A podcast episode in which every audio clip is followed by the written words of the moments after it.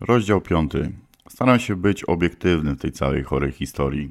Nie jest to łatwe, bo gromadzi się we mnie dużo negatywnych emocji, gdy zagłębiam się z każdym rozdziałem coraz mocniej w siebie samego. Uwierz mi na słowo, publiczne opisywanie tego mrocznego epizodu z mojego życia potrafi czasem przygnieść do ziemi i wyzwolić dużo złej energii. Zakładam, że słuchałeś poprzednich rozdziałów i jesteś w temacie. Dla złapania dystansu też włączyłem sobie wszystkie epizody, które udostępniłem na YouTubie i z dużą uwagą je przesłuchałem. Zauważyłem, że zgubiłem w pewnym momencie proporcje w opisie zachowań ludzi osadzonych w więzieniu. Dla jasności, złodzieje i służba więzienna są w pewnym sensie podobnie odosobnieni od świata zewnętrznego, z tą różnicą, że ci drudzy mogą wrócić do domu po 8 godzinach, ci pierwsi natomiast po kilku latach. Wróćmy do wspomnianych proporcji. Więcej uwagi skupiłem na pracownikach penitencjarnych niż na skazańcach. Pupilki systemu resocjalizacji to bardzo ciekawa grupa ludzi, w której chcąc nie chcąc się też znalazłem. Pod kątem społecznym są to przeważnie outsiderzy, osoby, które żyją według własnych zasad i reguł, mające własny patent na życie i szybkie zarabianie pieniędzy, który jak często można zauważyć nie idzie w zgodzie z literą prawa. Czy są to ludzie, którzy widzą różnicę pomiędzy dobrem a złem, czy potrafią współczuć, czy tylko szukać okazji i słabości innych do wykorzystania? I tak i nie, już tłumaczę. Nie jestem osobą religijną, ale znalazłem za kratami przedstawicieli każdego z siedmiu grzechów głównych. Pycha, chciwość, nieczystość, zazdrość, obżarstwo, gniew i lenistwo. Dodatkowo do tego pakietu mógłbym dorzucić jeszcze dwulicowość i zakłamanie. Powiedzmy sobie otwarcie, więzienie to miejsce rządzące się swoimi prawami. Gdy tam trafisz, musisz się dostosować do panujących zasad. Grać w grę, której reguły ustalają pracownicy służby więziennej i nie dać się wciągnąć za bardzo w kulturę złodziei, bo może ci się to spodobać. Zauważyłem, że manipulacja to chleb powszedni wśród skazańców znajdujących się za kratami. Musisz uważać na to, co mówisz i robisz. Najlepiej polegać tylko na sobie i za bardzo się nie otwierać na forum, bo ktoś może to wykorzystać przeciwko tobie w najmniej oczekiwanym momencie. Każdy z bandytów ma zadatki na świetnego aktora. Żeby poprawić swój komfort siedzenia, niektórzy osadzeni potrafią zrobić naprawdę dużo w tym kierunku. Prowadząc live w mediach społecznościowych zauważyłem jedną ciekawą rzecz. Pojawiały się czasem komentarze typu zasady w więzieniu lub zasady złodzieja. Moje spostrzeżenie. Każdy o tym pierdoli, a mało kto się do tego stosuje. Fakt, odsiedziałem tylko rok, ale mam oczy i potrafię łączyć kropki. Najgłośniej o zasadach krzyczą ci, którzy zasad nie mają w prawdziwym życiu. Bo kurwa jaki skąd. Nie mówię o sprzedawaniu kolegów czy podobnych krzywych akcjach. Chodzi mi o reguły określające normalne i zdrowe współżycie z innymi ludźmi, dla których przewijanie się w sądach, na policji czy prokuraturze to czysta abstrakcja. Odsiadując wyrok pozbawienia wolności, ktoś mi powiedział taką złotą myśl: złodziej złodzieja nie powinien okradać. Po tej pięknej sentencji, która zapadła mi w pamięć, jeden ze skazańców odstawił zajebisty numer na moim oddziale. Typek wiedział, że na najbliższej wadze, czyli sprawie, dostanie wystąpienie i opuści mury więzienia. Dwa dni przed datą posiedzenia sądu napożyczał się fantów od innych osadzonych i pospłacał swoje długi. Wyjebał w kosmos kilka osób i się zawinął. Tak właśnie wyglądają niektóre zasady za kratami. Pisząc swoje teksty nie mam zamiaru gloryfikować stylu życia, który prowadzi w większości przypadków do więzienia, ani promować kultury więziennej. Też nie mam w założeniu wyłącznie disować bandytów, a obiektywnie przedstawić swój punkt widzenia. Do Mamra nie trafiają ludzie w nagrodę za wybitne osiągnięcia, tylko za karę. Nie są to biedne żuczki, którym należy współczuć, bo każdy odpowiada za swoje czyny i w większości przypadków ma świadomość tego, co robi w danym momencie. Jest jednak jedna rzecz, która mi nie pasuje w postrzeganiu skazańców przez opinię publiczną. Może bardziej odbiór osób, które po wzięciu na klatę konsekwencji za swoje czyny odbyły swoją karę i chcą wrócić do normalnego życia na wolności skupić się na pracy, rodzinie i zwykłych czynnościach dnia codziennego. Często tacy ludzie w oczach innych są w cudzysłowie naznaczeni, napiętnowani przez swoją przeszłość. Warto się chwilę nad tym zastanowić. Dlaczego? Już wyjaśnię. W tej całej wybuchowej, szemranej mieszance znajdziesz jednostki z dobrym sercem i prawdziwą hierarchią wartości, dla których odsiadka nie jest wypadkiem przy pracy, a wystarczającą karą za złe zachowanie. Takim przysłowiowym liściem na odmulenie, którego dostali od życia. Miałem okazję poznać kilku takich zawodników, z którymi mam kontakt do dzisiaj. Zauważyłem w nich coś, czego nie widziałem u pozostałych złodziei: życiową inteligencję oraz sumienie i duszę. Często rozmawialiśmy na przeróżne tematy i z kontekstu potrafiłem wywnioskować, że bardzo żałują za swoje grzechy i zrobią wszystko, by ponownie nie trafić do więzienia. Sposób, w jaki opowiadali o swoich rodzinach, partnerkach czy dzieciach. I tu jest clue tego wątku. Nie należy oceniać pochopnie ludzi, zwłaszcza przez pryzmat błędów z przeszłości. Każdy może się zmienić, jeśli tylko zechce. Wpadł mi do głowy pomysł na ciekawe porównanie. Słuchaj uważnie. Więzienie to taki mały przekrój naszego społeczeństwa, składający się z ludzi przyjaznych, serdecznych i nieobojętnych na krzywdę innych.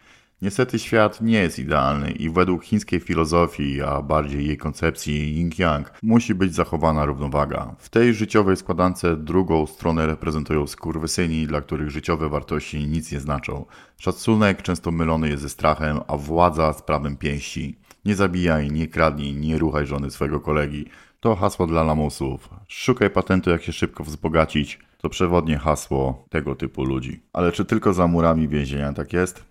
Otwórz oczy i rozejrzyj się dookoła. Podobny syf możesz znaleźć w każdym środowisku, na każdym osiedlu i w każdym mieście. Najłatwiej jest rzucać kamieniami niż zajrzeć w głąb siebie i zadać jedno proste pytanie. Czy naprawdę jestem prawym i dobrym człowiekiem, by móc oceniać innych? Dobra, zrzuciłem ten plecak z siebie i teraz mogę iść dalej z moją opowieścią. W poprzednim rozdziale opisywałem moją karierę na bezpłatnych etatach w więzieniu. Mój wyrok powoli zmierzał do końca. Do odsiedzenia zostało mi coś w okolicach studni. Myślałem, że zleci to w miarę szybko i bezproblemowo, bo byłem już poukładany i potrafiłem sprawnie poruszać się pomiędzy zasadami i regułami w tym smutnym miejscu.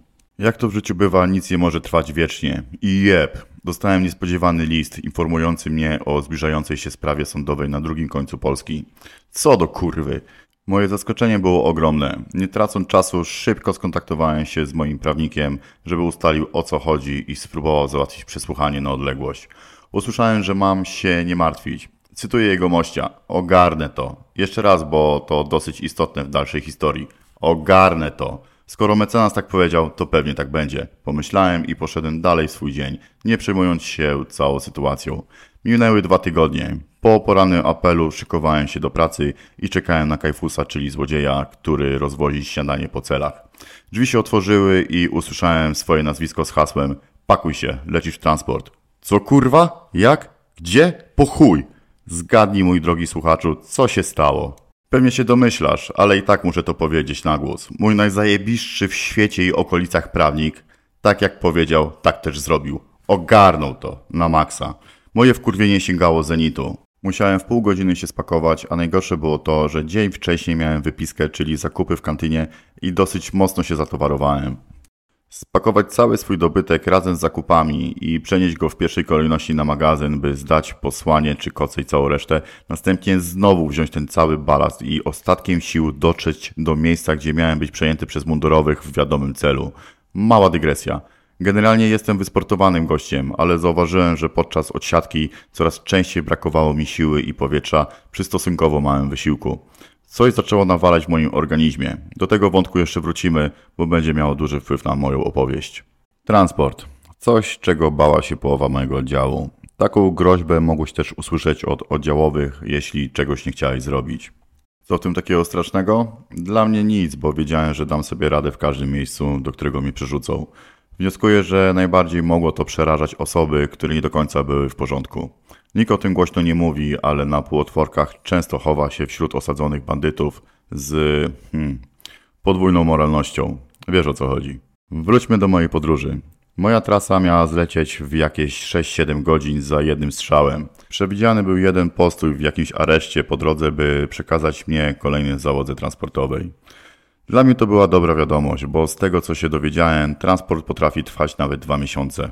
Nie chodzi o to, że siedzisz w samochodzie tyle czasu. Ktoś zajmujący się logistyką ustala trasę w ten sposób, by za jednym rzutem przetransportować kilku osadzonych w ustalonym kierunku. Stąd przerzutka pomiędzy aresztami czy zakładami karnymi może zająć naprawdę sporo czasu. Zanim ruszyliśmy w drogę, zostałem skuty w pingwina, czyli dwa komplety kajdanek na ręce i nogi połączone łańcuchem. Podróż nie należała do najprzyjemniejszych. Ograniczone ruchy przez bransoletki i niewygodne siedzisko ze sztucznego tworzywa doprowadzały mnie do szaleństwa. Prowiant, który dostałem, rozjebał się po całym aucie. Tragedia. Po trzech godzinach dotarliśmy do punktu pośredniego w postaci jakiegoś aresztu. Już czekał na mnie kolejny samochód dostawczy z niebieskim kogutem na dachu. Szybki szluk i ruszyliśmy dalej. Udało mi się na chwilę przymknąć oko. Gdy się przebudziłem, to przez szybę auta zobaczyłem, że jesteśmy już w jakimś mieście. Domyślałem się, że dotarliśmy do celu i znowu to samo jak na początku mojej historii. Brama więzienna, sucha kontrola, rentgen moich rzeczy, magazyn, przydział do nowej celi. Tym razem trafiłem na zamek. Moje nowe lokum znajdowało się na ostatnim piętrze. Żeby tam się dostać, musiałeś pokonać w chuj wysokich stopni, tachając cały swój dobytek. Znowu coś zaczęło szwankować w moim ciele i w połowie drogi odcięło mnie. Musiałem usiąść i, chwilę odpocząć. Na szczęście trafiłem na normalnego strażnika doprowadzającego i chyba zauważył, że coś jest ze mną nie tak. Po kilku przystankach udało mi się wdrapać na ostatnie piętro. Zasuwa pierwsza, druga, cela czteroosobowa dla niepalących. Dwie osoby w środku, Zgredek, czyli starszy pan i jakiś typek w podobnym wieku do mojego. Obydwaj za przestępstwa gospodarcze. Po przekroczeniu progu padło pytanie z mojej strony, jakie zasady panują na celi. Z drugiej jasna odpowiedź plus standardowa wiadomość powitalna ze znakiem zapytania o treści za co siedzisz. Po uprzejmościach zająłem górne kojo i odpadłem. W kolejnych rozdziałach dowiesz się, jak potoczyła się moja waga i czy stan mojego zdrowia uległ polepszeniu, czy wręcz przeciwnie. Standardowo, jeżeli podoba Ci się moje spojrzenie na świat, to zasubskrybuj mój kanał, daj lajka i koniecznie zostaw szczery komentarz pod tym filmem. Już niebawem pojawi się e-book oraz moja książka, w której znajdziesz o wiele więcej mocniejszych wniosków i spostrzeżeń. Jeżeli podoba Ci się moja twórczość, to możesz wesprzeć mój projekt na Tipli. Link w opisie filmu. Dzięki za Twój poświęcony czas i uwagę. Narrator.